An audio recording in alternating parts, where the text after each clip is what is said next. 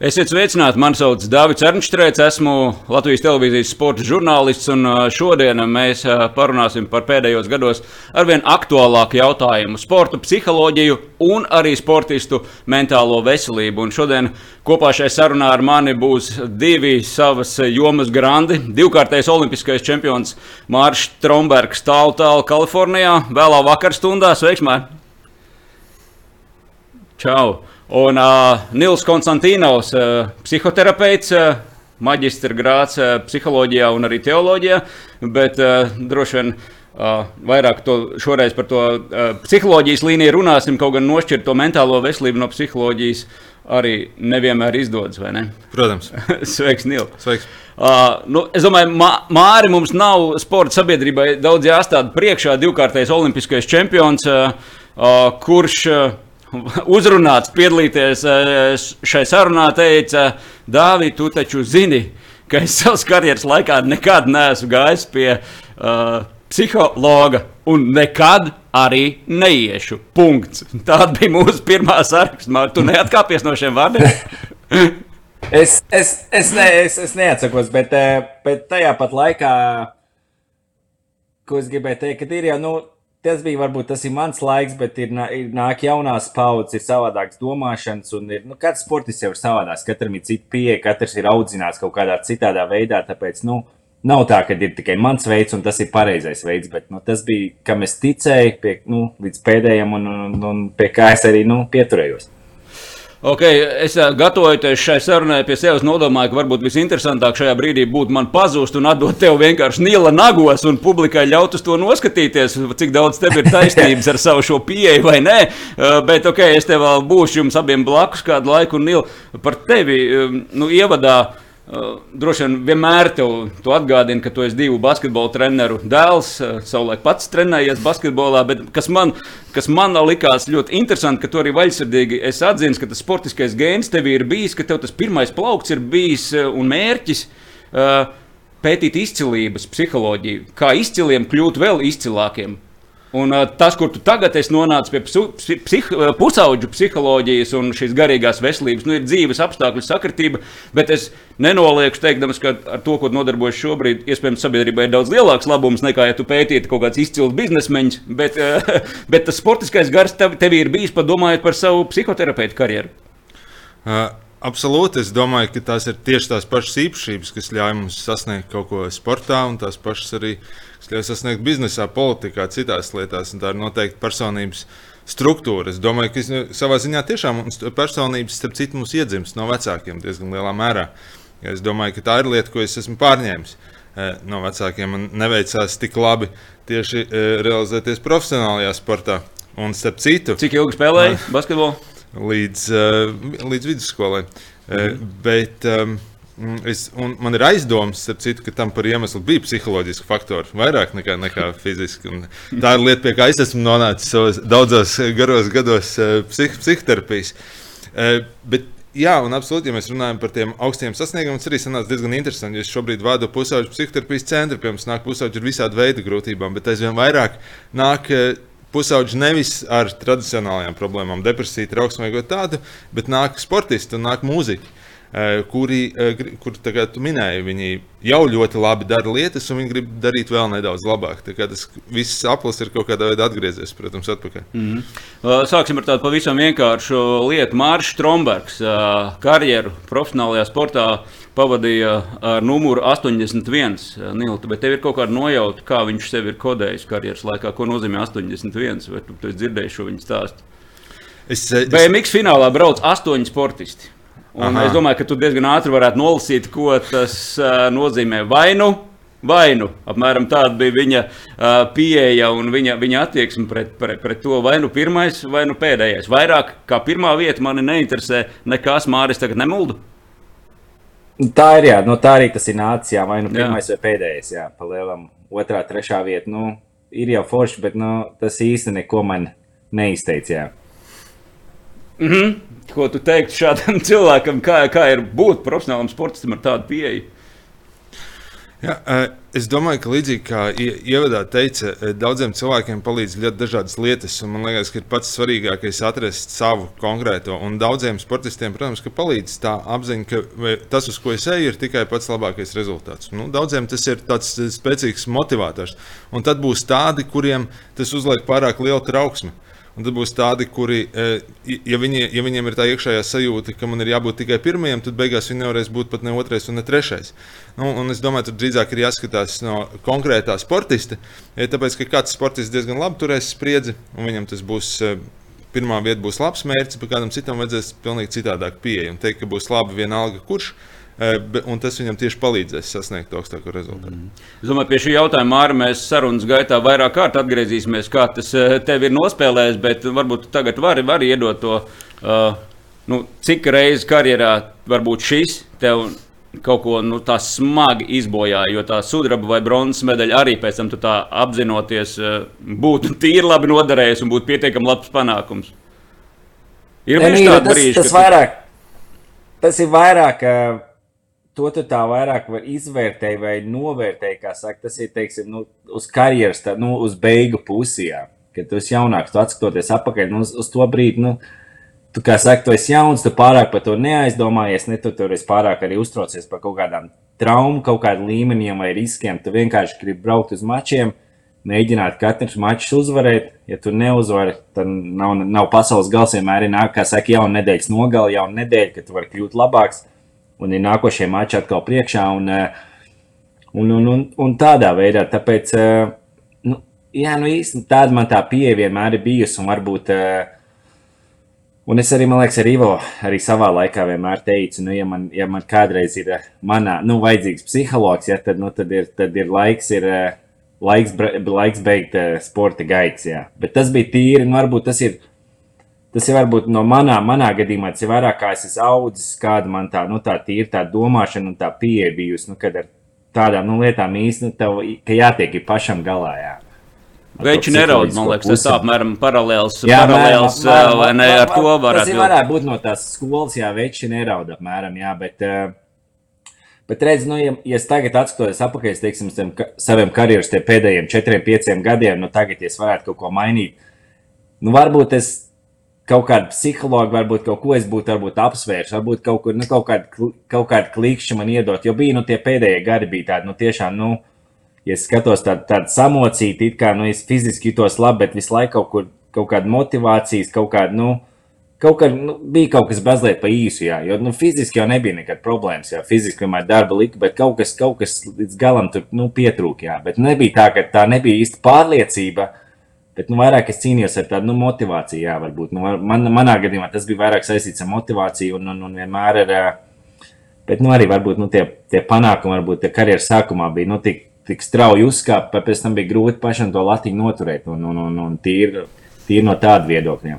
Nu, nevelti Mārcis nepadevos pēc tavas pirmās īsiņas, ka, par to, ka nav bijis mans psihologs un, un nekad arī nebūs. Jo es zinu, zinu tavas karjeras gājumu un, un zinu, cik ļoti dažādas bija visas trīs tavas olimpiskās spēles ar diviem taviem izcīnītiem zeltiem un pēdējā Olimpiskajās spēlēs ar, ar, ar hrestomātisko, ne, bet, bet jau tādu folklorizējušos pirmo pumpu, kurai tu netiki pāri. Ne? Katrā Olimpiskajās spēlēs tev, tev bija savs stāsts, kāds tu viņām sagatavojies un kam gāja cauri. Bet es domāju, to mēs pieminēsim varbūt sarunas gaitā. Es ar Nielu varbūt sākumā gribētu te jautāt, es vakar vairākiem sportistiem runāju par šo tēmu. Un, un es arī no iepriekšējās pieredzes, un domāju, arī no Māra pieredzes, zinu, ka sportisti mērķiecīgi neizvēlas varbūt doties pie psihologa, bet izvēlas šīs atbalsta personas. Kaut kur varbūt pilnīgi nejaušs cilvēks.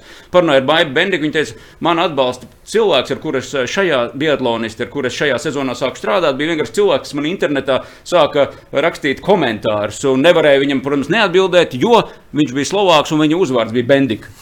okay, tas joks, bet tā ir realitāte. Bet, bet sportisti faktiski ļoti bieži izvēlas. Uh, fizioterapeitus, ārstus, nu, kuram paraudāt uz pleca, ku, no kura saņemt šo nomierinošo vārdu un ātri atrisināt uh, kaut kādu konkrētu situāciju. Uh, bet uh, vai tā nav bēgšana no savas iekšējās pasaules sakārtošanas? Tā ir tāda viena, viena darbība konkrētam mērķim. Mm. Jā, mēs te arī tā iesākām eh, to, to sarunu ar tādu nu, drusku komisku priekšstatu par psihologu, pie kā sportists nāk raudāt eh, vai, vai atklāt īpaši savu iekšējo pasauli. Tā reālajā dzīvē jau tas tā īsti nav. Eh, reālajā dzīvē sporta psihologam nu, tā, tā loma ir drusku vairāk kā tevis pieminētajam jau fizioterapeitam vai, piemēram, spēku trenerim. Jo nu, mēs principā saprotam, ka sports sports jau principā visu laiku attīstās, un rezultāti kļūst aizvien labāk, konkurence aizvien lielāka. Un, un vienkārši tas, ko cilvēki ir sapratuši, ir, ka mentālajiem procesiem ir ļoti liela loma rezultātu uzlabošanā. Nu, tas tā pašsaprotami. Muskuļu trenēšana. Un tieši un smadzenes jau arī darbojās pēc līdzīgiem principiem, kā darbojās eh, ķermenis, kā darbojas fizioloģija. Un mēs arī aizvien labāk saprotam, ka tās abas lietas ir ļoti, ļoti cieši saistītas kopā, ka principā to nevar. Un tas ir drīzāk saistīts ar to, ka mēs vienkārši labāk sākam saprast, kā darbojas cilvēks, kā darbojas ķermenis. Līdz ar to psihologs, un šobrīd jau aizvien vairāk, piemēram, Nacionālās izlases piesaista sporta psihologus, kā līdzās eh, fizioterapeitam un citiem treneriem. Viņa loma tādā ziņā ir vienkārši palīdzēt saregulēt nu, tos mehānismus, kas ir saistīti ar psihi un tādā veidā uzlabot rezultātu. Tā ir, tā ir praktiski palīdzību. Protams, pēc tam ir otrs šis emocionālā lieta. Un, e, augstu sasniegumu sportistiem, mēs, tiem, kurus cīnās par pirmajām vietām Olimpijādēs, nu, tas, tā, tā dzīve ir diezgan uh, specifiska. Tā ir specifiska dzīves pieredze, kurā ir ļoti daudz uh, dažādu stresu un kurus varbūt īsti cilvēki ārpusē nenovērtē. Tas kā būt slavenībai. Nu, teiksim, uh, Es, tajā, tā, tā, tā dzīves forma paredz ļoti specifiskus pielāgošanās mehānismus, un nav viegli ar tiem reizēm nu, tikt galā. Sevišķi tāpēc, ka es nedrīkstu izrādīt, nu, labi, viens vīrietis neraud, bet, bet nu, slavenības un sportisti jau nu pilnīgi noteikti ne, ne, nevar kā, e, brīvi aiziet uz bāru un, un, un izraudāties bārmenim, piemēram, uz, uz pleca. Tas būtu dīvaini. Un tāpēc nu, aizvien vairāk novērtēt to, ka šī, šis atbalsts ir nu, vajadzīgs un reizēm tā ir vajadzīga terapija. Bet e, tas, ko tu minēji, ka katrs atrod savu cilvēku, pilnībā piekrīstu. Nu, kā psihoterapeits vienkārši ir cilvēks, kuram tā ir profesija būt par šo cilvēku. Bet šis cilvēks var būt labākais draugs, šis cilvēks var būt fizioterapeits, šis cilvēks var būt vēl kāda uzticības persona. Mēs redzam, sportistiem un, un eh, slavenībām izveidojās šī entourāža apkārt. Tur vienmēr ir kādi cilvēki, ar kuriem kur ir konfidenciāli. Sapratu, psihoterapeita lielākais iegūms, protams, vienkārši tas, ka tas ir konfidenciāli un profesionāli. Nav, nav jābaidās par to, ka tas kaut kur iz, izplūdīs šīs lietas vai, vai nonāks, nezinu, tur mēdī, piemēram, mm, mm. rokās. Bet skaidrs, ka mēs vienkārši meklējam cilvēkus, mēs meklējam cilvēcisku kontaktu un atbalstu. Un tas var būt eh, cilvēks Slovākijā. Kāpēc mm. ne? Ja Protams. tas sniedz to, to atbalstu, kas ir nepieciešams. Mārija, nu, atceroties tavu, tavu karjeru, vai var teikt, ka tev, piemēram, fizio, fizio es nezinu, kaut vai Mareks Osovskis, kas gadiem ar tevi strādāja, nu, bija tev čalis, kurš teica, viņam pietika varbūt uzlikt roku, ja? Un Viss būs labi. Bija, bija, bija, bija viennozīmīgi. To es arī, nu, ar ko es vienmēr esmu arī savā karjeras laikā, ko es esmu uzsvērs, nu, kur es varu pilnīgi piekrist, bija trīs lietas. Jā, tā bija ticība, darba etika, un trešā lieta, kas bija ļoti svarīga, tas bija izveidot tādu ciešu cilvēku grupu, jā, kas tev pozitīvi ietekmē, atbalsta un, un kaut kādā nu, virza uz priekšu. Jā, nu, arī pie kā tu vari griezties, ja kaut kas ne, nu, neizdodas, un tā, un ka vienmēr var izrunāt visu un tā tālāk. Tā kā, nu, Un tās vienmēr tās trīs lietas vienmēr esmu uzsvērs kā pašas primārās, lai tu nu, sportā vai dzīvē, nu, vienalga biznesā, nu, sasniegtu tos savus mērķus un, un, un, un tiktu tālu. Bet eh, kas saistās, jā, tas ir viennozīmīgi. Jā, bija Ivo, vienmēr bija, mums bija arī karjeras tajā sākumā līdz, eh, līdz Londonai bija, bija Mareks un pēc tam, nu, tur bija tās lietas, protams, Mareks arī bija vēl Amerikā, ka man bija tā lielā trauma 2010. gadā, kad uh, principā, cik man liekas, 5, 6 mēneši pagājis, nevarēju uz riteņa kāpt. Tad Marks brauc, lidoja teje, uz tejieni, uz Ameriku pie manīm un, un, un ņēmās ar manīm cīnījās. Un tas ir tāds baigot, tādu, nu, kā saka, to psiholoģisko, tādu, nu, tādu, tādu baigot, nu, īsto tādu būstiņu iedot. Tā kā, jā, un, un, un, un, tā, un tādas, tādas sīkas lietas ļoti daudz arī palīdzēja. Tāpēc, jā, nu, tur es varu pilnīgi piekrist, ja ir tie cilvēki, jā, tie daži, kas tev, nu, kā saka, jā, kas, nu, kam tu uzticies, kā saka, līdz pēdējiem, un, un, un kas nu, kaut kāds bieži vien kaut kāda. Nu, Viena teikuma frāze īstajā laikā pasaka, vai nu, saka, nu, tas, arī, tas arī treneris darbs savā ziņā ir. Jā. Tas, kā saka, Ivo arī bija tāds savā ziņā, arī nu, kā psihologs arī man, jā, nu, nu, tā varētu teikt, jā, ka viņš bija nu, viss vienā, kā man tēvs, kā treneris, kā psihologs, un, un tā mēs arī darbojāmies. Un, un, un, bet īsti, jā, nu, nu kā saka, ar mani, ar mani tas strādāja, bet arī skatoties tagad mūsdienās tos sportistus un jauno paudzi, un varbūt tā mainās arī tā mazliet tā domāšana, tā pieeja sportam, varbūt ir attīstījusies arī vairāk tā psiholoģiskā puse, nu, par ko es arī varu piekrist, jā, bet, un kad cilvēki to vairāk arī izmanto, jā. Tāpēc nav tā, ka es esmu saknē, ka tas ir, ka tās ir muļķības, ka tas nav pareizi. Tā nav vienkārši. Es saku, nu, kā tas notika manā, manā karjerā un, un tajā manā, manā tajā sporta gaitā manā laikā. Jā. Protams, protams. Um, Gatavojoties šai sarunai, es centos sev kaut kā, nu, kā absolūts diletants uh, sastruktūrēt uh, vispār savu, savu attieksmi, un tad es nonācu uh, pie tā, ka nu, manā dalījumā izvēršas par šo tēmu runājot divas sadaļas. Viens ir tā mentālā veselība, un kas to veido, tā, tā ikdienas rutīna, par ko mēs pieminējām, traumas, ikdiena, ceļošana, grūtības, ar ko ikdienā sports saskars un kas neizbēgami ietekmē tavu iekšējo pasauli. Un tad ir tas otrs, par ko mēs publiskajā telpā runājam visu laiku. Tas ir tas uzvarētāja gēns, prasme uzvarēt, kas, protams, šī, tiek izkopts pateicoties šīm visām īpašībām, bet nu, par ko mēs daudz runājam. Neiemet, Bertāns neiemet izšķirošo metienu. Olimpiskajās spēlēs Rio aizbrauca pirms un pēc Rio spēlēm. Visi uzstāda personiskos rekordus, kļūst par Eiropas čempioniem, Dimanta līgas, e, līgas čempioniem, Olimpiādē Čiks tajā brīdī, kad vajag. Par to mēs tagad uh, biežāk runājam. Tas būtu pareizi, Nil, tā sastruktūrēt mentālā veselība, kas tev veido to tavu personību. Un tad ir tas, tas uzvarētājs, tas krampis, tas gēns spēja koncentrēties īstiem brīdim. Tā ir tā otra lietiņa, ko mēs tagad sarunā varētu tā dalīt, vai, vai nebūtu tā. Šie termini ir diezgan plaši mūsdienās. No vienas puses, mēs varētu teikt, ka mentālā veselība iekļauj to visu, un mentālā veselība ir par par to, kā es jūtos, kā es domāju un kā es, kā es rīkojos. Tā ir tā lielā cepura. Jā, jā nu, mm -hmm. principā tas ir tās trīs lietas, zem tā droši vien būs viss, bet es tev pilnībā piekrītu, ka ir tāda psihoemocionālā daļa, kas ir. Un tad ir sportam, sportam tieši specifiskā. Nu, piemēram, e, uz, uzstāšanās trauksme, nu, kas, e, vai e, tas, ko angļuiski sauc par performance anxiety, kas lielākajai daļai cilvēku tas nebūs aktuāli. Lielākā daļa cilvēku īpaši neuzstājās, vai, vai lielākā daļa cilvēku nav jāiziet arēnā, tur desmit tūkstoši cilvēku priekšā un jāizdara izšķirošais, piemēram, sitiens. Šīs ir lietas, kuras ir specifiskas tieši sportam, un tad mēs tām arī koncentrējamies no tieši sporta psiholoģijā. Mm -hmm. Uh, nu labi, es, es nedaudz esmu sastruktūrējis par elitu, elites atlētu šo mentālajiem izaicinājumiem. Un, un noteikti kaut kas tur nav pilnīgs, un neesmu nevienu mācību grāmatu lasījis, uh, gatavojoties, bet no rutīna kā tāda. Uh, cik liels izaicinājums ir nu, rutīna? Katram, mēs, protams, varam atgriezties, ka katram no mums ir sava rutīna, bet, bet sportā šķiet tā ir tomēr nežēlīgāka. Absolūti.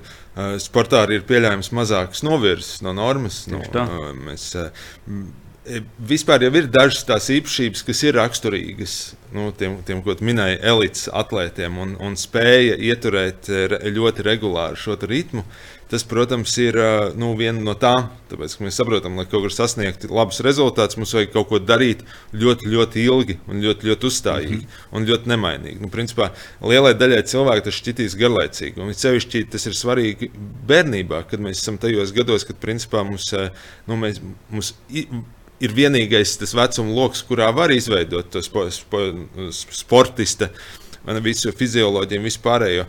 Un bērniem reizēm ir grūti ieturēt šo rutīnu. Un tad daudz kas ir atkarīgs no tā, nu, viens, kāda mums ir personība. Ir personības, kurām patīk rutīna vairāk, nu, un viņiem tas sagādā mazāk problēmas. Un tad ir bērni, kuriem ar to ir grūti. Un tad ir ļoti svarīgi, kāda ir apkārtējie cilvēki. No treneris, vecāki, e, cik viņi ir uzstājīgi, bet redzēt, cik viņi maigi to uzstājību dara, lai, lai šo bērnu neslaustu. Respektīvi, tas, kā izdosies viņam izveidot to rutīnu, patiesībā ir atkarīgs no nu, ļoti agrā vecumā. Un, un tas ne tikai sportistiem, bet vispār. Bet skaidrs, ka sporta vecumā līdz ar to tie 5, 6, 7 gadi patiesībā ir tāds super izšķirīgais.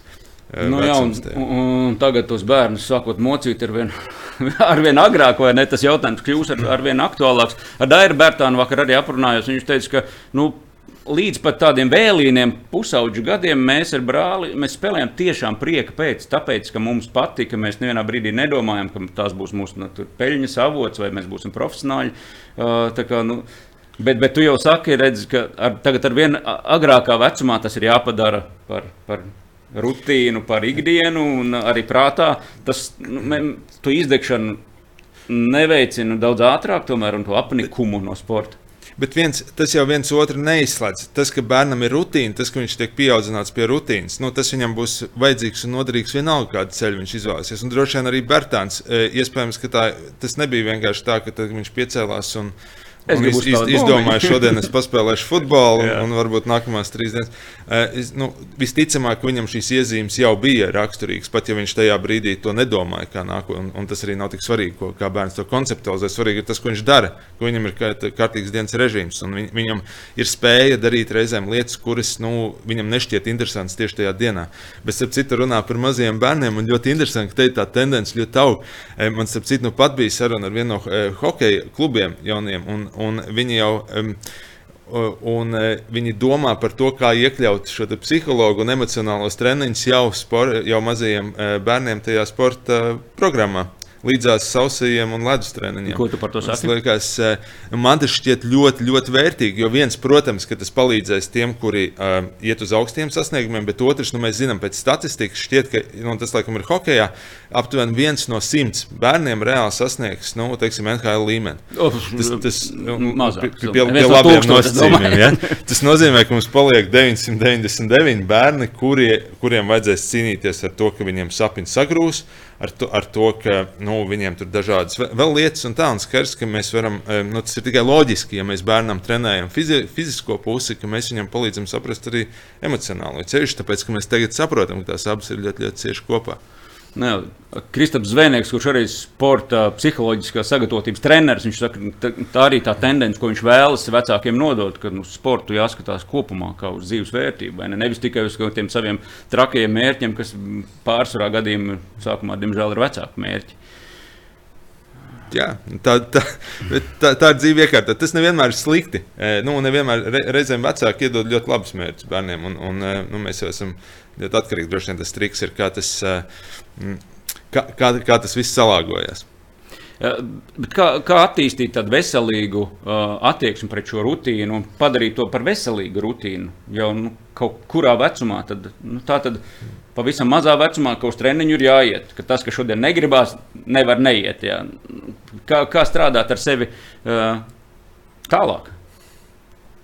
Zin kā, šeit ir tā vieta, kurā ir ļoti, ļoti liela loma tai personībai, kā mēs esam piedzimuši. Jo uh, vis, visticamāk, ka būs personības, kuri pēc tam sasniegs augstus rezultātus, viņiem vienkārši ir, ir paveicies ar to, ka viņu personības struktūra ir tāda, ka viens viņiem šī rutīna nu, šķiet vieglāk pieņemama, un otrs viņi vieglāk pārvar to, ko tu saki par to, ka man negribās, bet es vienalga daru. Nu, Respektīvi, viņiem ir tāda iekšējā motivācijas sistēma diezgan skaidra. Būs virkni bērnu kuriem, ar, un jauniešu, kuriem ar to būs vienkārši sarežģītāk, un kuru personība darbojas tādā veidā, ka tas vienkārši ir, ir grūtāk, un tad viņiem līdz ar to vajag daudz vairāk. Protams, ka arī viņi var sasniegt e, tādus pašus rezultātus, bet viņiem tad vajag daudz vairāk ārēju atbalstu. Nu, viņiem vajag, tad, lai vecāki ļoti aktīvi iesaistās, lai es, citu, es redzu, kā pie, pie, pie, pie maniem vecākiem nāk bērni. Tas ir ļoti interesanti. Ir bērni, kas, kas brauc no kaut kādām ļoti tālām vietām katru dienu uz treniņu, ļoti, un neviens viņus neved, un vecāki reizēm pat viņus neatbalsta. Viņi nezina, kur viņi ir, bet viņiem ir tāda iekšējā apņēmība, un viņi to dara. Un tad ir bērni, kuriem viss ir nodrošināts, un viņas privātais šofers atved uz treniņu, aiziet, bet vienkārši viņam ir, nu, viņu ir ļoti grūti kaut kā tajā iesaistīt. Mm -hmm. Un, un tur tā, tā personība ir milzīga loma. Un tad, protams, ka otrs solis ir tas, cik apkārt pieaugušie spēj atpazīt tā bērna personību un cik, cik labi spēj nu, teiksim, pastiprināt tās puses, kurā viņam ir kaut kāda iekritiena. Un šeit, protams, ir psihologiem lielāka loma. Jo tiem bērniem, kuriem viss darbojās nu, no dabas, tiem no atbalsta vajadzēs mazāk. Bet tur, kur ir potenciāls talants, bet nu, viņa personība varbūt tu, tur ir kaut kādas grūtības, radās, nu, tu, nu, tur kā reiz viņu var atbalstīt. Jā. Bet tas dabiskais instinkts, tas cīnītāja instinkts joprojām strādā, ka, nu, kā mēs jau no, no veciem laikiem jau, ka tie čaļi no pagalma, tie sasniegs vairāk. Vai, vai tomēr ar to vecāku pieslēgšanos, ar, ar, ar, pat tādā situācijā, kad tev viss dzīvē nodrošinās, sāk, sāk pieslēgties arī tas rezultāts, ka arī no šiem izšķiļās tomēr tie, tie spēja ar sevi strādāt, sevi motivēt, ka man dzīvē, principā, pamatlietas ir nodrošinātas, bet šis sports ir tas, ko es daru sev, savai izcilībai, saviem kaut kādiem iedomātu mērķu sasniegšanai. Ar tiem ceļiem no pakalna eh, būt uzmanīgs, jo tur ir savas problēmas. Un mums ir tendence vienmēr, mēs skatāmies teiksim, uz tādiem labiem stāstiem dzīves, un tur bija šis čels no pagalma, un tad viņš kļuva piemēram, par olimpisko čempionu. Bet mēs neredzam tos varbūt simts vai varbūt tūkstotis ceļus no pagalma, kur salūzas pa ceļam, un kuru nu, tie dzīves ceļi varbūt neizvērtās tik mm. veiksmīgi. Es domāju, uh, nu, tur, tur varbūt ir kaut kas par to, bet runājot par, par, par šo te. Mm, kurš kļūs par to čempionu. Nu, līdzīgi kā teica, tas ir viens no tūkstošiem, un tai personībai ir liela loma, bet apkārt vēl ir miljonus citu ietekmes faktoru, un daži no tiem ir nejaušības. Nu, mēs zinām, ka dzīvē vienkārši ir nejaušībām milzīga loma. Nokļūt pareizā vietā pie pareiziem cilvēkiem, nokļūt pie pareizā trenera, nu, vienkārši dzīvot vietā, kur ir. Kur tev ir trase vai vēl kaut kas? Nu, ir, diemžēl ir lietas, kuras nevar nekā mm. ietekmēt. Nu, Valmērā bija. Ja te, te ir labs, es, es gribēju pie, es piebilst. Ja? Jā, jā, mēs gaidām. Es ļoti vienkārši es atcerējos arī, bija tā, man bija situācija tā, ka man tēvs savā laikā principā pārvācās uz Līvāniem, kas ir vispār nekurienē, jā. Un, un, un tur ne trasa, tur vēl, jo, vēl joprojām nav trasa, vispār nebūtu nekāda. Un bija tā, ka vienā dienā viņam piedāvāja darbu. Un tad viņš vienkārši pārvācās uz Valmieru, bet ja tā, tāds brīdis nebūtu noticis, jā, tad es nekad nebūtu iepazinis BMX. Nu, tādā veidā, tā kā daudz, daudzām lietām bija jāsakrīt, jā, un kā tur, es, tur es varu piekrist, jā, viennozīmīgi. Bet kā tu Mārija, varbūt tas... savu to gājumu par, par šo rutīnas stāstu varētu tā ietēpt mums tādā īsā kopsavilkumā no, no puikas gadiem līdz, līdz olimpiskajam čempionam, jo, jo nu, kā tu ārējo tēlu atstāja kādu? Māris no rīta izkāp no gultas, ka nu, tāds runčuks izstaipās, jāiet, jāiet, ej uz treniņu, ne citas izvēles nav. Nu, tādā kā okeāns mierīgs, nu, tāds neizsitams. Um, kā tev bija, vai, vai tu vienkārši no dabas esi tāds kaut kāds tā, tāds darba Tā... zirga, varbūt tas stāsts ir iekšējā sajūta? Ja, savā ziņā bija, jā, man nekad nav īsti bijusi problēma ar, ar tīri kaut kādu, nu, ar, ar iešanu uz treniņu vai, vai, vai teiksim, nu, to maksimāli to nu, atdevi, atdevi treniņos, vai, nu, kā saka, ar to sačkošanu. Es nekad neesmu bijis sačkotājs, jā, ja tā saka, nu, tas ir tāds vārds, jā, un, un, un tas man nekad īsti nav pat, nu, tā, kaut kur es par to pat neesmu aizdomājies, un arī man trenerim arī nekad nebija par kaut tādām lietām jāuztraucās, kad es neesmu ierados uz treniņu vai arī, un kas man vienmēr arī, nu, kā sportistam, mani kaitināja un tracināja, ka es biju arī savā laikā, es, kad jau biju divkārtais olimpiskais čempions, ja, es vienmēr uz treniņu ierados laikā, vai es pat vienmēr biju agrāk, un kad pat jaunie citreiz ierodās vēlāk pa manīm. Un kas man, ir, nu, kas man likās, nu, tas ir nepieņemami. Jā. Nu, kas to ziņā, veidoja? Nu, tā... tu, tu biji tāds no dzimšanas, vai ģimenē bija noteikumi, vai pirmais treneris, vai kas tev to ielika? Es, Tas varētu pat nākt no, no tīri no, no, no, no treneriem, jā, un īsti no, no tiem draugiem, nu, kas, tas, kas mums tas pulciņš draugi izveidojies BMX savā laikā, un, un, un kā saka, bija tāds, nu, ar prieku tas viss tika darīts, jā, un jo man vecāki, man teica, nekad nespieda, un, un man tēvs, kas arī vienmēr ir, man vienmēr bija veiksmīgi tas, ka man tēvs vienmēr varēja aizvest uz visiem mačiem, bija iespēja ceļot uz, uz, uz, uz, uz ārzemēm, braukt mačos, bet viņš nekad man mačos nelamāja, nespiedies, kaut ko nesu izdarījis pareizi vai tā. Un bieži vien arī Latvijas mačos viņš vienkārši sēdēja mašīnā un lasīja avīzijā. un visam viņš tikai atbrauc pēc brauciena. Viņš saka, nu kā nobrauc, es saku, trešais, nu ļoti labi. visu, nu, tā, nu, tādā ziņā, tā kā nu, man bija tā, nu, tā kā, nu, Tāds, tāds, Tātad saka, tev nav ne, ne tā no, dulā pagalma puikas pieredze, no nu, ar savām varbūt normālām dulībām, kas tu nāc no tā, tad, ja var teikt, normālas, kārtīgas ģimenes, kur pat arī diezgan labi situētas, nu, Latvijas apstākļiem, mm, mm, un bez jebkādas mm, spiediena no vecāku puses. Jā, man nebija, jo es, es ļoti bieži redzu, es nezinu, varbūt, nu, psihologs varbūt piekritīs vai nepiekritīs, bet es nu, vismaz šeit, Amerikā, arī bieži vien trenējoties, es ļoti bieži redzu bērnus, 9, 10 gadu vecumā, kad vecāki nu, šausmīgi viņus spiež, jā, kaut ko ne, ne tā izdara, viņas lamā. Tur trasi liek bērni, bērni raud. Jā. Nu, man liekas, ka nu, nu, es uz to skatos, un man liekas, tas, nu, tas, tas ir nepareizi. Jā. Tas ir pārāk agrā. Vismaz tas ir tā, kā es esmu audzis. Nu, tas ir nepareizi, un man liekas, ļoti bieži tas ir, kad, ka vecāki cenšas caur bērnu izdzīvot savu neizdzīvoto sapni, jā, un tā viņi paši to neapjauš, ka viņi tos bērnus nu, tā stumj un spiež, kad viņi no tā sporta īstenībā viņas atstumj, un jau viņi to bērnu pārdeg jau pārāk agrā vecumā. Nu, tas ir tas, ko es esmu vismaz saskāries un ko es it kā redzu, jā, bet, bet nu, jaunā paudze ir cita domāšana, un varbūt nu, man grūti to tā salīdzināt. Varbūt, ja, ja tu man jautā tagad pēc desmit, 15 gadiem, nu, kā tā jaunā paudze ir izaugusi un attīstījusies, un tad nu, var redzēt, nu, kā viņi tajā sportā, teiksim, nu, kā tie sasniegumi, viss, tad es varētu salīdzināt, bet uz doto mirkli man grūti, jā, nu, es esmu audzis tajā vienā veidā, un tas ir tas viens virziens, ko es kā zinu, jā, nu, kā es esmu, kā es esmu sasniedzis, bet, nu, kā saka, ir jau tie vairāk ceļi, vairākas, vairākas pieejas, kā nu, tos sasniegumus sasniegt. Un, un, un tam es pilnīgi piekrītu. Jā. Nav viens, vien, nav viens pareizais ceļš, kā nu, tik līdz tiem augstiem mērķiem. Jā. Nu, es no tevis labprāt gribētu arī dzirdēt tavu stāstu par rutīnas eh, uzvarēšanu eh, jau tajā karjeras, varbūt beigu posmā, kad tu vairs īsti, nu, varbūt pat līdz galam netici tam, kāpēc es to daru. Kā tev izdevās tādu izkāpt no tās gultas, tas ir pirmais, bet nu, arī nu, par tiem simt procentiem notrenēties. Be, uh, man īsti nekad nav bijusi problēma ar, uh, kaut kādu nu, ticību sev. Nu, es vienmēr esmu līdz, līdz pēdējiem ticējis, ka, uh, ja man ir tā motivācija un, un kā saka, nu, tā, nu, tā dzirkstele, tad, nu, kad es esmu, kā saka, uz papīra labākais un ātrākais čels sportā. Jā.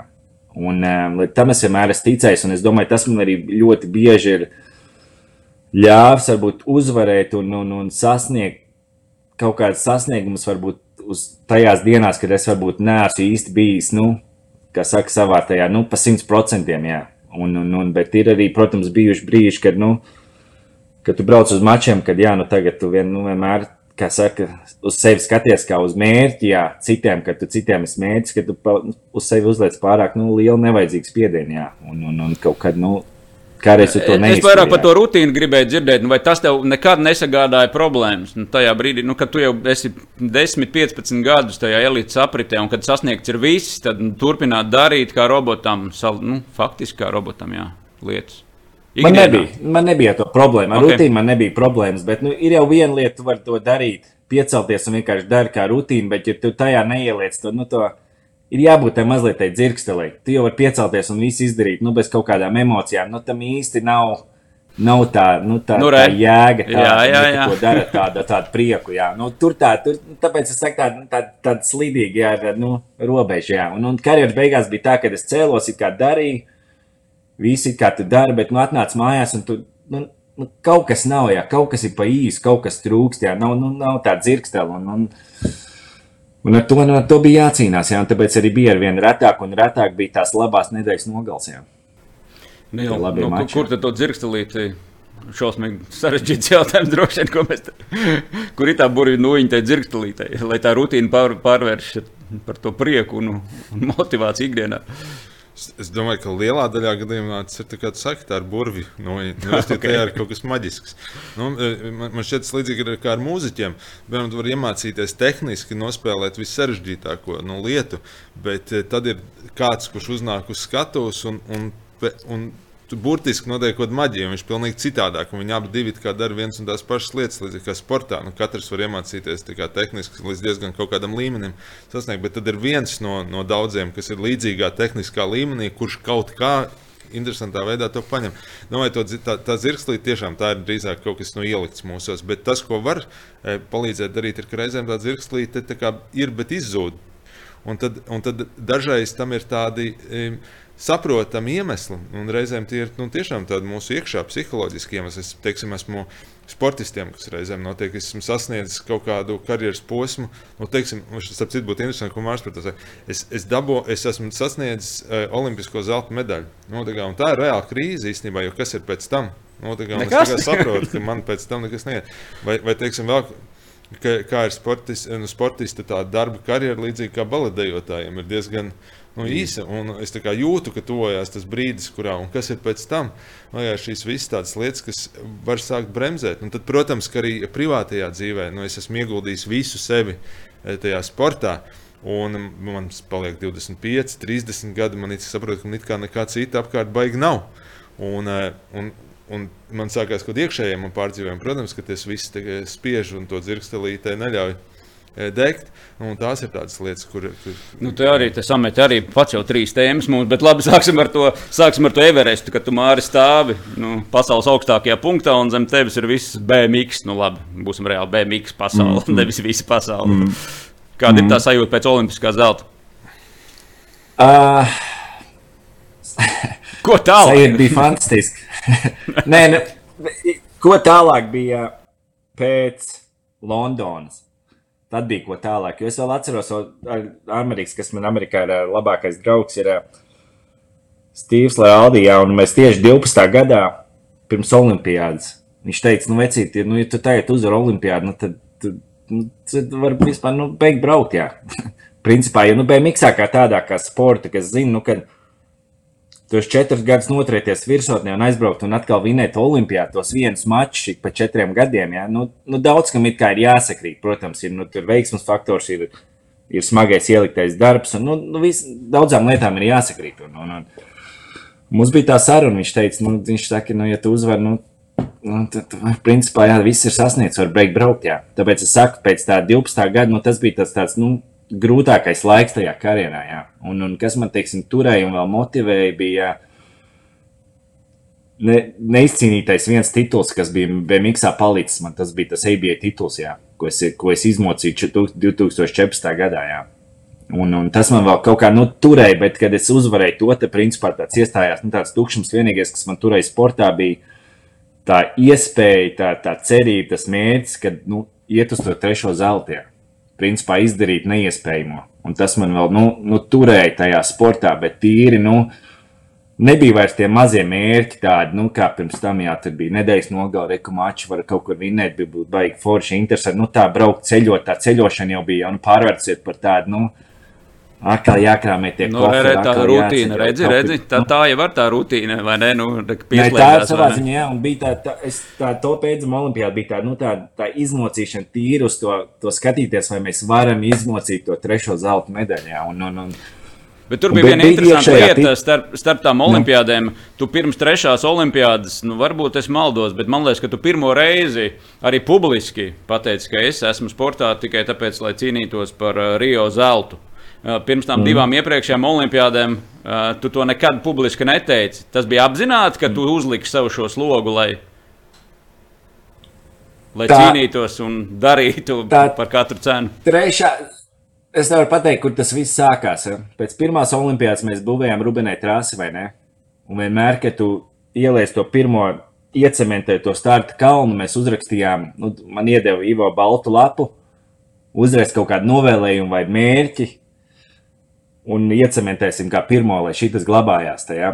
Un es uzrakstīju 2008. gadā, tas bija tieši pēc Pekinas, uzrakstīju pēc 2008. gadā Pekina Olimpiskais zelts, 2012. gadā Londonas zelts un 2016. gadā Rio zelts. Es ierakstīju tās trīs lietas, un mēs ielikām, jā. Un es pēc četriem gadiem uzvarēju Londonu. Jo, tā, nu, jau bija tā ticība, ka kaut kas ir jā. jāturpina, jābrauc. Jā, un, un, un, Un tāpēc līdz pēdējiem bija vēl tā ticība, ka, eh, ka tas ir iespējams, jā, ka tas ir izdarāms. Jā.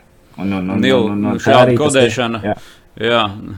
Terapeitam jautājums, šā, šāda sevis kodēšana sportā, tas ir trakums vai, vai tā ir neizbēgamība savādāk nekā vienkārši mūsdienu uh, sportā. Jo, jo tajā sporta veidā iekodēt, ka tev būs trīs olimpiskie zelta pēc kārtas, nu, tas ir kuku. Nu, tāpēc, ka tur jebkurā brīdī tev var viens pielikt alkoholītu un viss ir beidzies. Tad no tevis tur nekas vairs nav atkarīgs. Jā. Nu, es, domāju, savā ziņā tā ir neizbēgamība. Nu, sportā mēs tomēr viss notiek un, un tiek mērīts, un, un mēs skatāmies tikai. Tomēr vajag kraut sev šo būvēt, to vīziju. Nu, a, nu, noteikti tā vīzija jābūt. Nu, es domāju, ja maziem puikām nebūtu tā, tas sapnis par spēlēšanu NBA vai NHL, nu, daudz no viņiem, protams, pazust pa ceļam. Tā ir viens no spēcīgākajiem motivatoriem. Bet, tu, bet tur ir tā interesantā lieta, ir, kas notiek. Mēs, protams, nezinām, kas notiek šajā gadījumā, bet kas notiek, kad tas mērķis netiek sasniegts. Un vai, es, vai man pietiek to resursu, lai kā, nu, norītu to, to, to, to zaudējumu un kaut kā turpinātu, vai, nu, vai arī tas, tas ir kaut kāds diezgan liels sagrums. Un tu pieminēji traumas, un, protams, sporta kontekstā šis ir, man ir bijuši vairāk puiši no eh, BMX, kuri um, iegūst no 14, 15, 17 gadu vecumā smagas traumas un nevar turpināt vairāk. Un, ka, un, un tur sākās tā īstā drāma par to, kā es, vai, vai es varu tam tikt pāri, vai tas atstāja kaut kādu nu, super. Tas, tas, tas man ir bijis par daudz. Tie mērķi man ir nevis palīdzējuši, bet vienkārši nospieduši. Māri, kā bija tev pēc, pēc Rio? Man. Es, es jau, man liekas, biju varbūt izgājis tai, tai, tai, tai kā saka, tai mēdīju skolai cauri, kad uh, Protams, no mēdījiem tika uzlikts spiediens, un pēc olimpiādas visi jautājumi un, un, un tā tālāk. Un kad uh, Mārcis aizbrauca uz olimpiādu, neko nevar izdarīt. Bet nu, es jau saku, es tam visai skolai biju izgājis cauri, kad es pat tam nepievērsu uzmanību vairāk. Jā.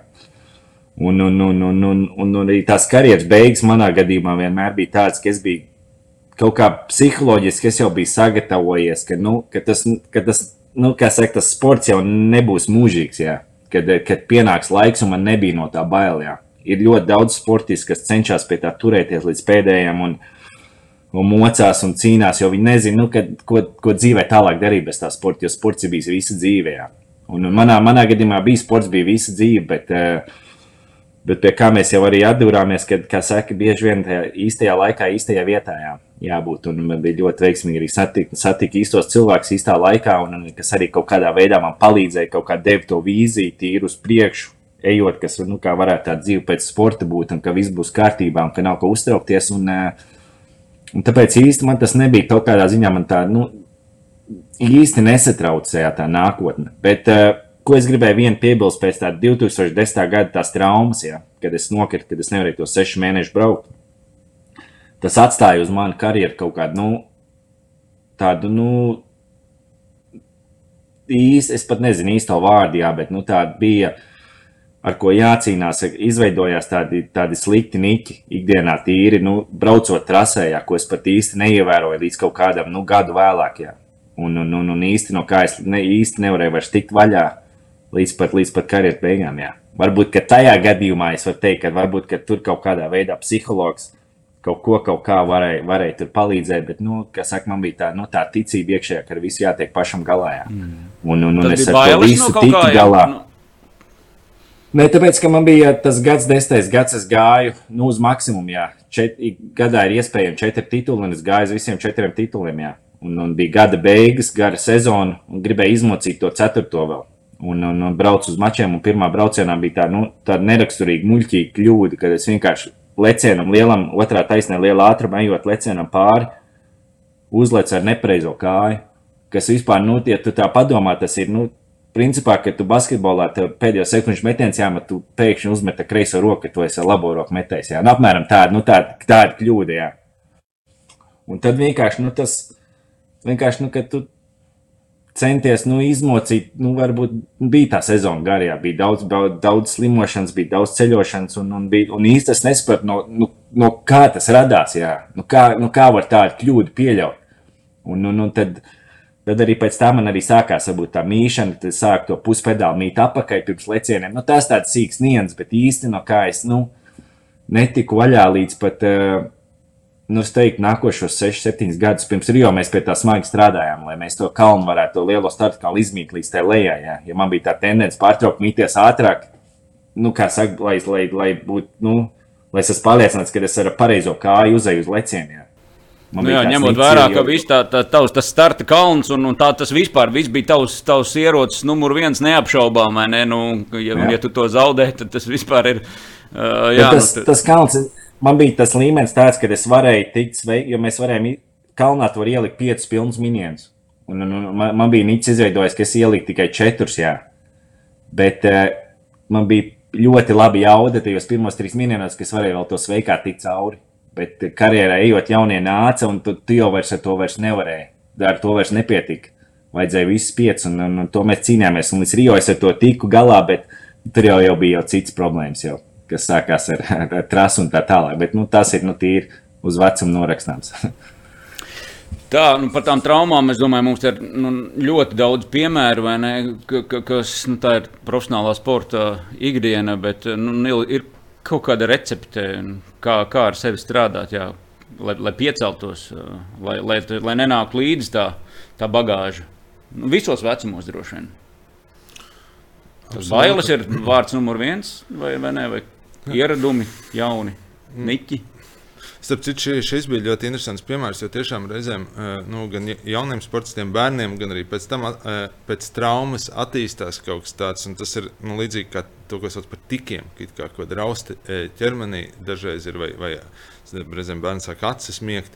Un dažreiz tas izpaužās jā, tīri tajā, ko es daru. Tas parasti liecina par tādu psihisku mehānismu, kas ir tās pēdas no, no šīs traumas. Tas ir pēctraumatiskais. Tur, diemžēl, tur īstenībā arī ir ļoti daudz atkarīgs no, no tā bērna vai sportista pēc tam rakstura jo, vai personības. Jo mēs zinām, ka patiesībā, te, kad ir kaut kāda trauma, fiziskā, emocionālā, kāda ir trīs veidi, kā uz to cilvēks var reaģēt.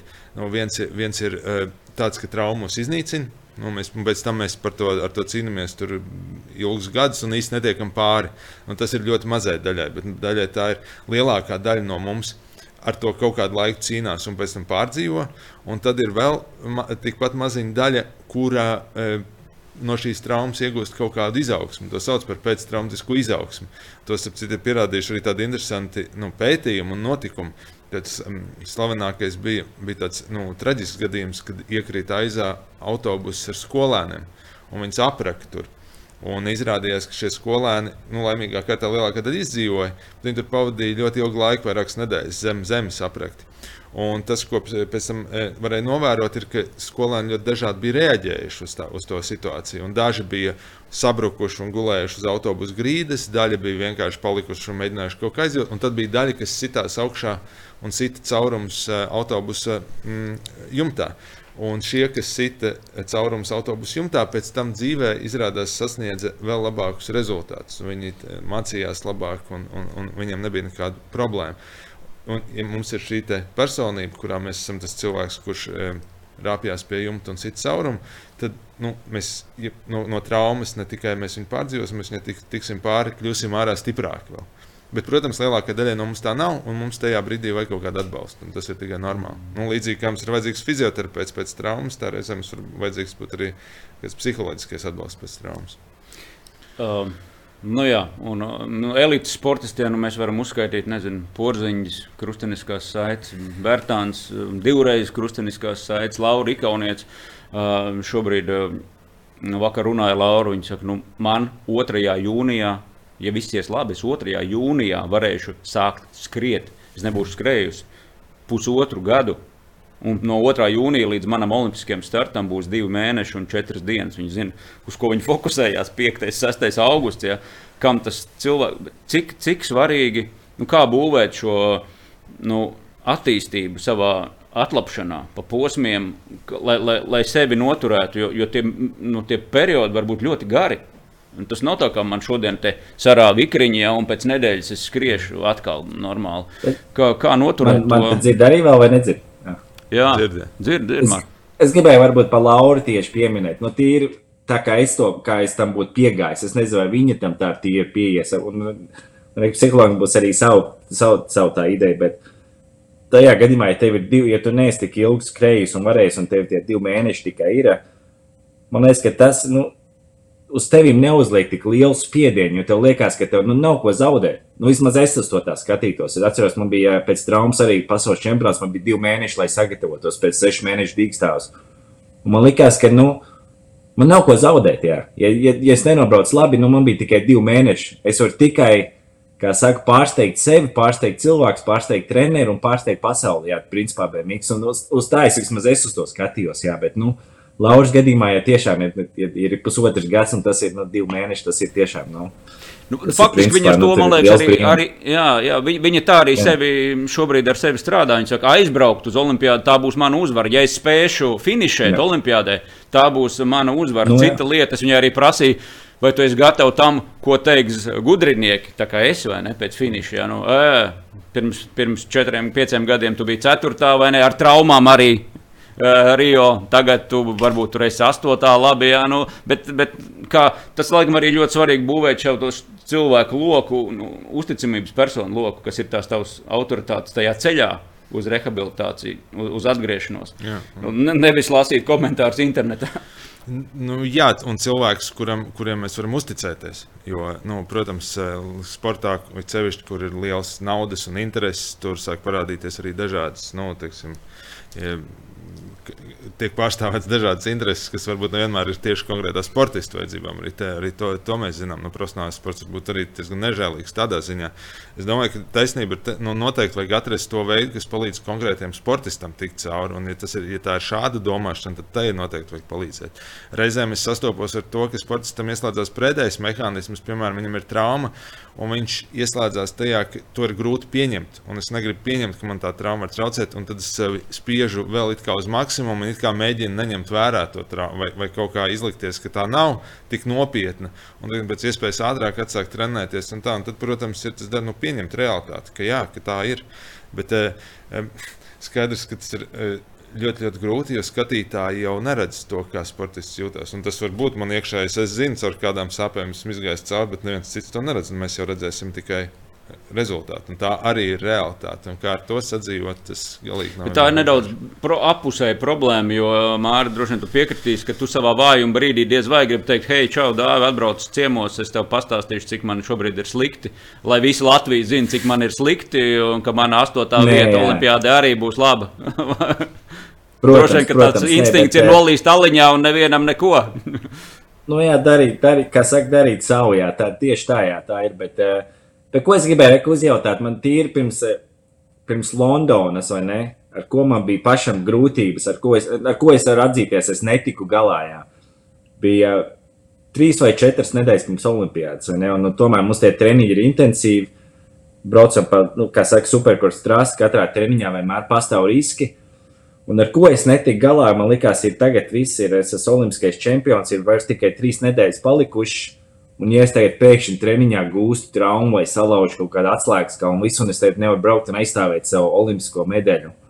Un tas, tas, tas pēdējās četras nedēļas, tas man pa galvu, man pašam maisījās. Jā. Un bija treniņi, kad es nevarēju sevi, nu, es tā, nu, ne jau es viņu sačkoju, bet nu, kaut kur, nu, es nevarēju to izslēgt no, nu, kā saka, no tās savas aparāta. Te, te, nu, no savām smadzenēm, un, un ar to man bija jācīnās. Man tie treniņi bieži vien bija tādi līdz galam, nu, tādi tād, nu, nekvaliti, nekvaliti, nu, kas pa vārdu, nu, nebija jā, kvalitatīvi, jā, un, eh, un kaut kur es kaut, nu, nu, tā līdz galam nevarēju atdot sev visu, jā, un, un, un to, to Olimpijādē ļoti labi arī redzēt tajos pirmos braucienos. Nu, tas nu, bija tāds samocīts periods, jā, nu, protams, nu, brau, jābrauc aizstāvēt medaļu, bet nu, tas, ar ko es īsti netiku galā, un es domāju, nu, ko tādā gadījumā psihologs man būtu varbūt ieteicis, devis vai nu, kaut kādā veidā nu, ar to palīdzējis tikt galā. Nu, tīri tā, nu, atskatoties atpakaļ, tā interesi pēc, es vienkārši domāju. Nu jā, nu šī laikam ir tā klasiskā situācija, kāpēc varbūt ka jums komandā kaut kas bija sašķobījies, vai arī tava autoritāte jau tobrīd iespējams bija pārāk liela, ka, ka neviens nevarēja tev pienākt klāt un uzlikt roku uz pleca un viss sakārtojas. Es nezinu, kā tas veidojas. Ka, Ka, jo, jo parasti jau tas, ko mēs arī pašā sākumā laikam, runājam, tāpēc sportistiem ir šīs brīnuma nūjiņas, tas fizioterapeits, kuram ir nu, atcerētie mehānismi, kuram es uzticos. Vai ir redzams, ka ir lietas tik lieliem večiem, kuras nevar tādā veidā atrisināt? Tas patiesībā, ko Mārcis apraksta, tas ir tāds ļoti dabisks smadzeņu mehānisms, to sauc par rumināciju. Un smadzenes mums ir radītas, lai mēs izvērtētu riskus. Un tāpēc mēs reizēm pārdomājam sliktākos scenārijus, nu, lai mēs zinātu, no kuriem, no kuriem izvairīties. Bet reizēm, kā visi smadzeņu mehānismi, viņi var ieklamēties. Un tas parasti notiek pie paaugstināta stresa. Nu, teiksim, tur ir paaugstināts prasības, vai kas. Un tad kāds no šiem mehānismiem, kas parasti smadzenēs mums palīdz, viņš ieklamējas un sāk nepalīdzēt. Nu, un tad es saku, nevis es vienkārši izvērtēju, varētu būt arī tāds gadījums, ka es dabūju traumu, ko es tad darīšu. Bet es vienkārši sāku, man ieklamējas, visu laiku domāju par to, ka es dabūšu traumas, dabūšu traumu, un tas var iegriezties. Tad tur ir tādas. Uh, Psihotehnikas, kuras reizēm nu, parasti cilvēkiem palīdz. Tas saistīts ar nu, mēs, uh, ļoti, nopietni par to, par to domājam, tad ir tādas vienkārši pretdomas, ko, ko sports, sportists eh, apgūst, lai, lai apturētu. Un tad ir dažādas tehnikas, kā iemācīties, jo ir svarīgi neļaut smadzenēm iegriezt šo. Te, eh, Šo domu jau vairāk viņi griežās, jo viņi, jo viņi ilgāk tajā eh, turēsies, jo vairāk nomāks. Un, tā, tā ir nu, diez, diezgan populāra grūtība. Tas ir viens no veidiem, kā smadzenes izpaužās šī klēmīte. Un tad ar kaut kādu vienkāršu rituālu tēju vakarā tas varbūt arī nepalīdz. Tur, tur, tur tāda nav tāda brīnuma. Nu, Ar, ar zālīti, jā. ar zāli. Tā jau ir labāk recepte. Zinu, kas reizēm, Nē, zinu, kas reizēm palīdz. Reizēm palīdz, un kā mēs vienkārši reizēm baidamies par to domāt, it kā, bet reizēm palīdz tieši mēs, mēs ar pusauģiem to reizēm darām. Vienkārši, piemēram, stundu no vietas domājam to sliktāko variantu un kas notiks, ja, ja tā situācija mm. iz, izvēl. Un, un tad, kad ir izdomāts pats sliktākais, kas var būt, un tas kaut kā pieņemts, un mēs esam visi izdomājuši, kāds beigsies sliktākajā, tad paradoxālā kārtā tas drusku atlaiž. Mm, Nogrimt līdz, līdz dibenam, vai ne? Lai tu varētu atspērt jā. nu, tā, tā simboliski. Uh, jā, nu, manā gadījumā tas bija. Jā.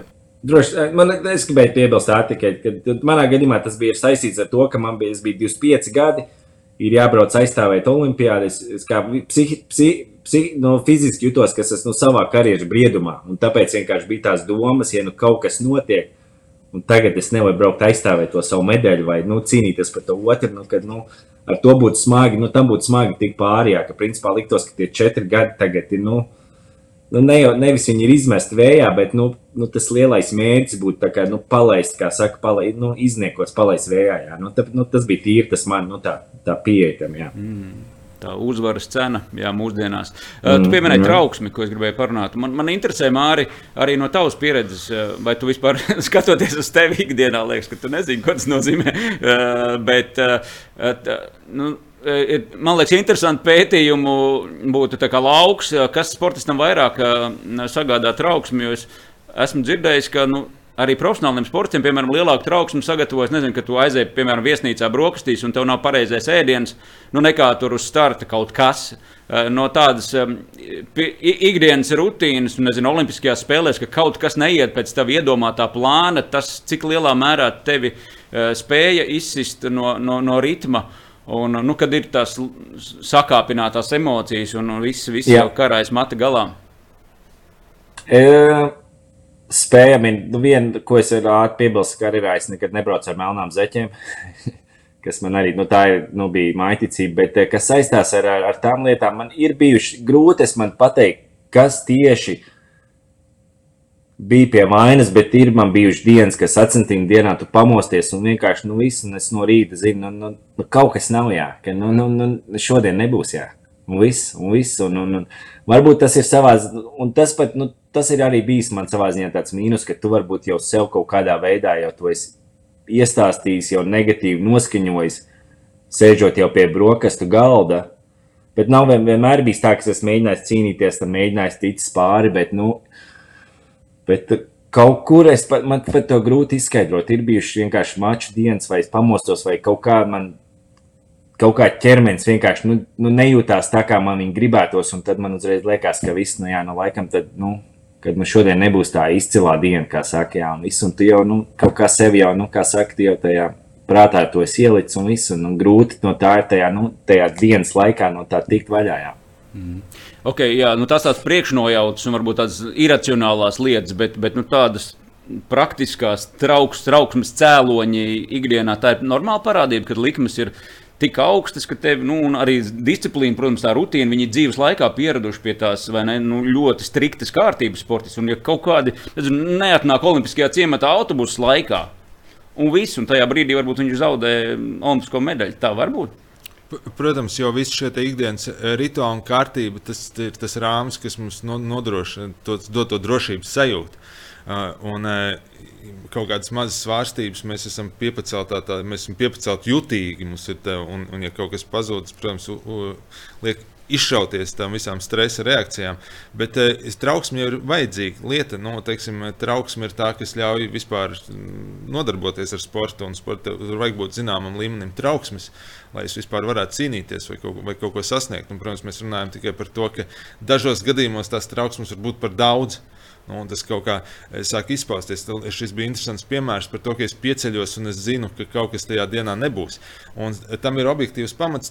Sportisti, starp citu, ir ļoti jutīgi pret savu ķermeni. Nu, protams, sportistam ķermenis ir viņa darba instruments. Līdz ar to es pieceļos un ķermenī loģiski e, notiek kaut kas. Un, ceļš, nu, ne tikai pubertātes vecumā, arī pēc tam sportistam tur nu, ir vesela ķīmiska laboratorija. Un skaidrs, ka reizēm tur kaut kas jutīsies nedaudz sliktāk nekā, nekā citās dienās.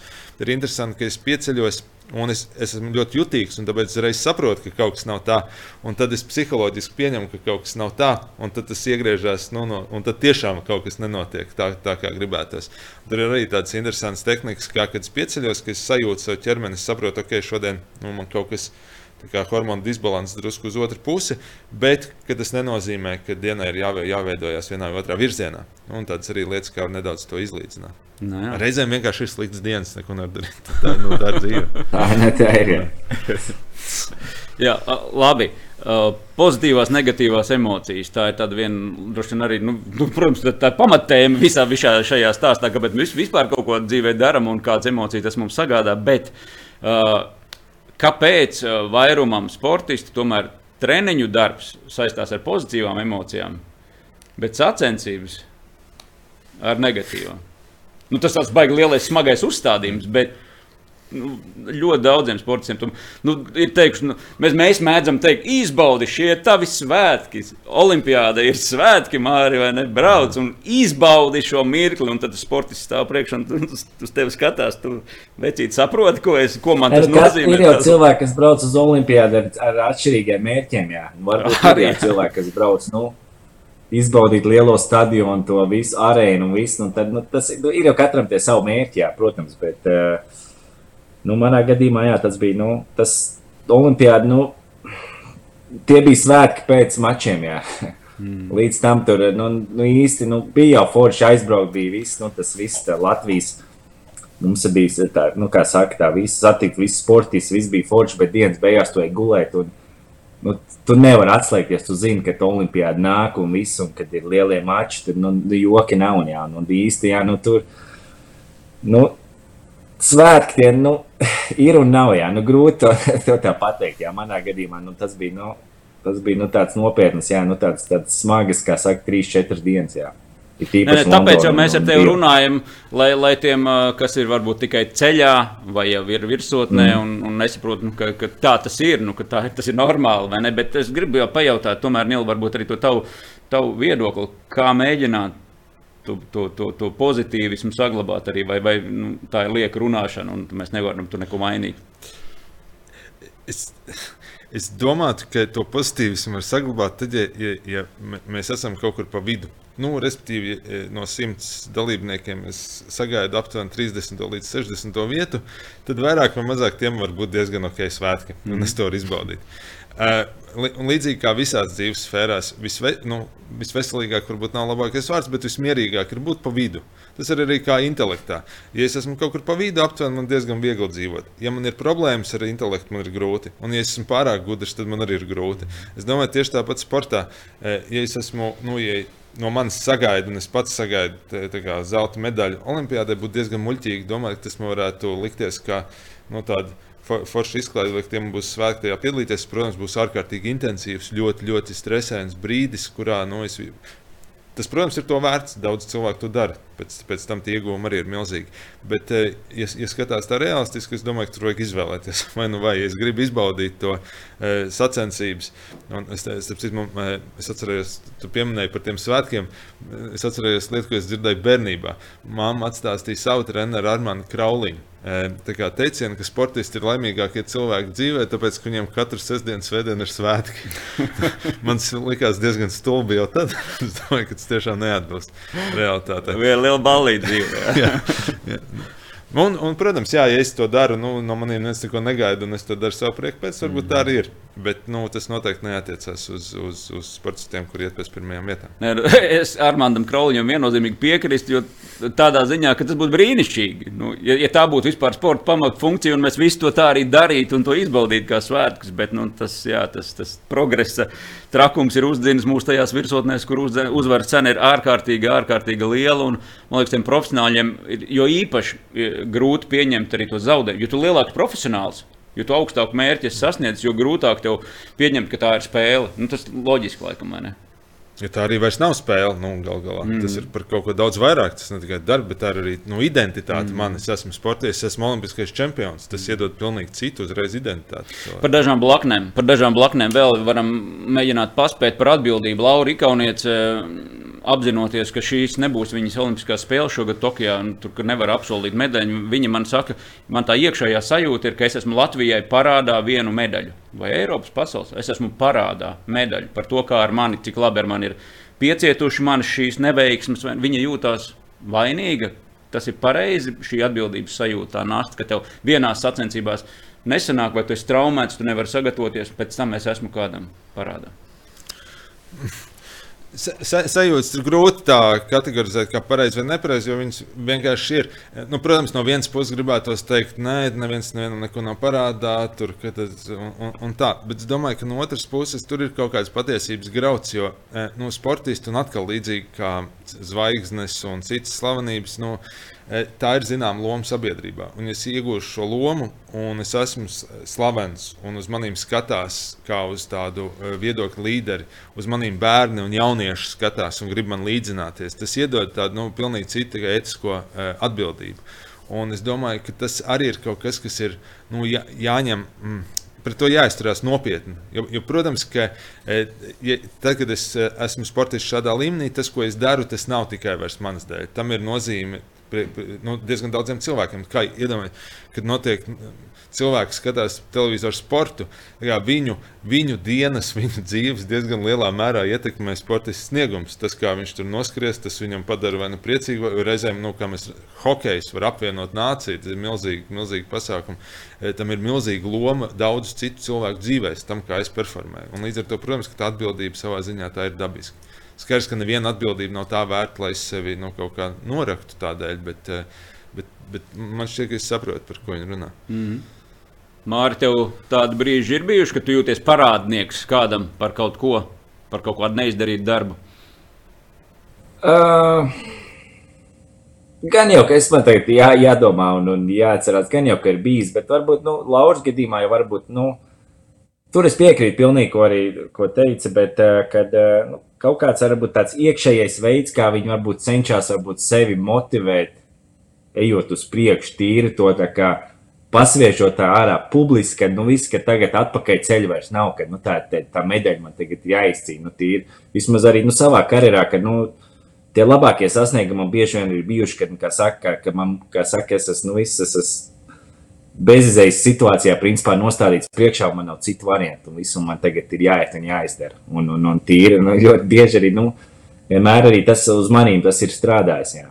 Un, tā kā varbūt nu, arī tas varbūt Lauris kaut kāds tāds iekšējs veids, kā tīri no nu, sevi motivēt. Jā, nu, tā tīri, nu, tā es tā vienkārši aizdomājos, man ir grūti to tā spriest, jā, bet, bet, protams, ir bijuši arī brīži un, un tā tālāk. Bet, manā gadījumā arī tie tie, tie neveiksmīgie mači, vai, vai man es īsti, nu, es neesmu nekad pārāk dikti pārdzīvojis, īpaši nu, tajā profesionālā karjerā. Bija viens brīdis, 19 eh, gados, jā, kad eh, bija elites gads.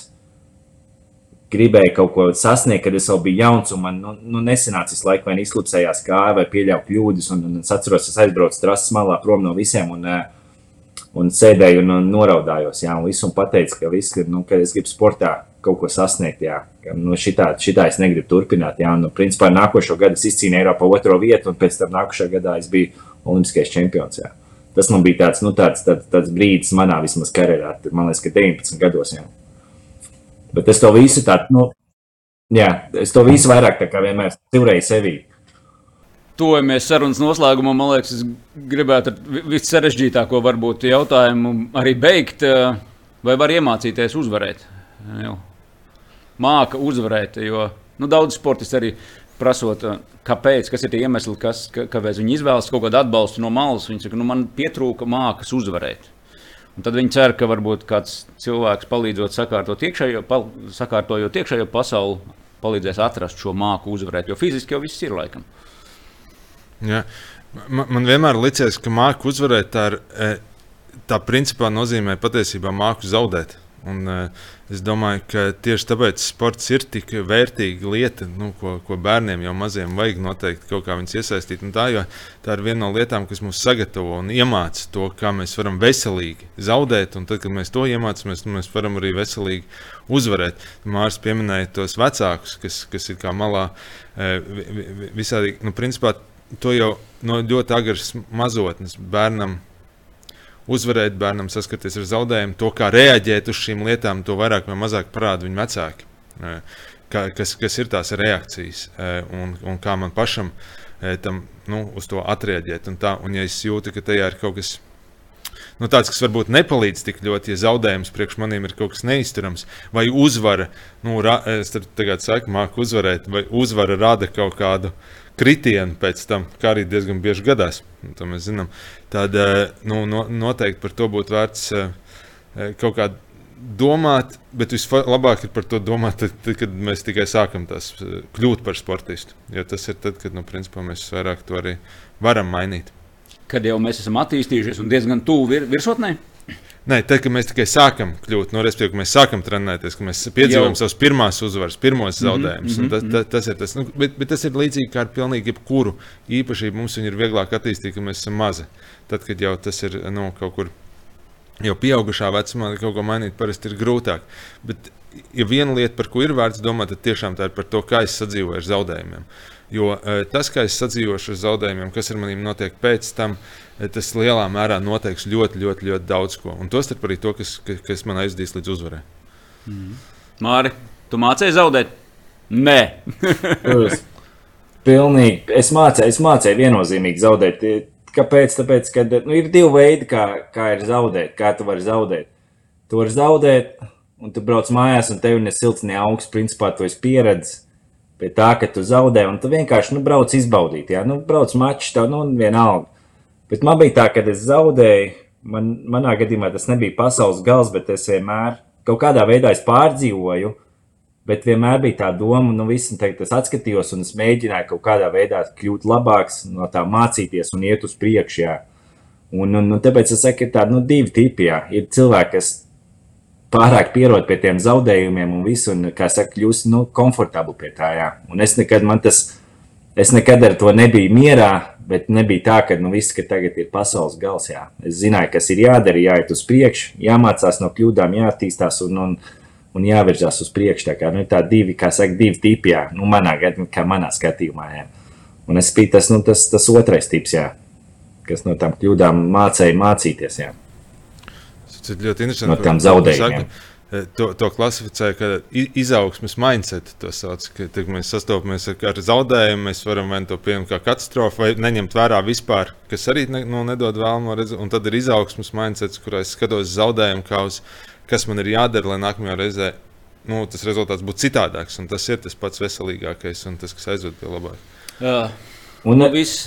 Jā, un, es, jā. Nu, droši jā, griežam, griežam. Bet, uh, Es jau, jā, piemirsu, piemirsu. izsit man, izsit no domas, jā, bet. Nu, eh, pašā beigās tā ir. Jā, nu, es, es gribēju jau tā kā vēl ar vienu, vienu mazu jautājumu beigt, un tad savā ziņā ne, nevarētu būt grēksūdz, bet atklāsme, ka par sportistiem arī es tai skaitā, nu, un arī apkārtējie cilvēki mēdz, mēdz teikt, ka eh, viņš ir pārāk gudrs, lai būtu čempions. Viņš pārāk daudz analizē, pārāk daudz domā, un tad mēs vienmēr tāds hrestomātiskais piemērs ir Viktors Čerbātiks, kurš teica, es neko tur nedomāju, es darīju to, ko treneris lika, es gāju, cēlos, braucu, cēlu štangu, un viss bija labi.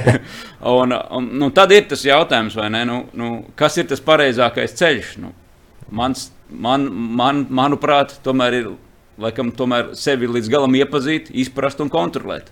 Nevis akli pakļauties. Katram var būt sava redzes. Katram ir savs. Absolūti, katram ir savs, bet reizēm, es, kad mēs ar sportistiem par šo runājam, es viņiem pastāstu par tādu konceptu kā flow.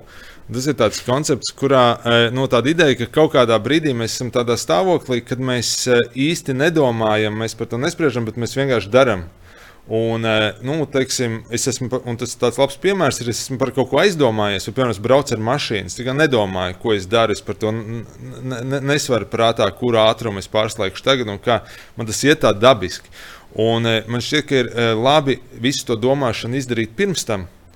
Eh, un arī tikt ar saviem skaidrībā pirms tam. Bet tad, kad es esmu laukumā un tad, kad notiek tā spēle, tad principā eh, tie, tas mērķis ir iekļūt tajā flow stāvoklī, kurā tas, ko es daru, tas jau notiek dabiski. Tam ir, protams, fizioloģisks eh, skaidrojums, kāpēc tas tā ir. Jo tad darbojās smadzeņu nu, mazāk apzinātās daļas, bet līdz ar to visas reakcijas, visas darbības notiek ātrāk un viņas notiek intuitīvāk. Un tie rezultāti ir labāki. Ja tikko es pieslēdzu domāšanu, tā, protams, nu, man sāk bremzēties zinām procesi. Līdzīgi kā ja es pēkšņi sāku domāt par to, kā es elpoju, nu, man sāk palikt grūti elpot. Uh, uh, Bet uh, es pilnībā piekrītu, ka ir svarīgi sevi iepazīt, bet tā ir treniņa sadaļa. Un tad, kad es esmu mačā, nu, tad, tad vajadzētu aiziet tajā līmenī, kad jau tas viss notiek bez īpašas domāšanas, kā Šķirbātis teica. Mm. Mm. Es saku, Ko es paldies, arī gribēju piebilst, ka viena lieta, jā, un tad griežam ājā, bet eh, kad treneris, psihologs, viss, kā saka, fizioterapeits, te var uzbūvēt to burti I vai ne, bet tas punkts ir, tam punkts eh, uz tā ir jāuzliek pašam sportistam. Tā, tā, tā pati galotnība nāk, un, un tam, es, tam es ticu, un, un ka tam, ka tam, nu, tam, tam sportistam ir jābūt, tam, tam punktiņam ir jāiz, jāizdomā un jā, jāizštuko, kā to izdarīt pašam, jā. Jo visu tev, nu, visu tev no apkārt, gan psihologs, treneris, nu, nekad tev neiedos, jā. Paldies, saka Māri, tev tur tālākajā Kalifornijā. Lai labs miedziņš šonakt. Paldies, jā, jā. Lai jums laba diena. Jā, mums būs laba diena. Paldies Nilam Konstantīnovam. Man liekas, ļoti vērtīga saruna. Ne tikai, protams, mēs, mūsu galvenā auditorija, man liekas, bija tie, kas tikai top par sportistiem. Un šie pie, piemēri no, no elites sporta ir tikai laba salīdzināšanās iespēja, ka visiem ir šīs problēmas, ar kurām ir jātiek galā, sevi jāiepazīst. Un tad jau nonākt tajā straumē, tajā patīkamās darīšanās straumē, atbildīgākajos brīžos būs uh, daudz vieglāk. Lai mums liels skaists uzvaras pašiem par sevi. Atā. Ar tā veiksmīgi.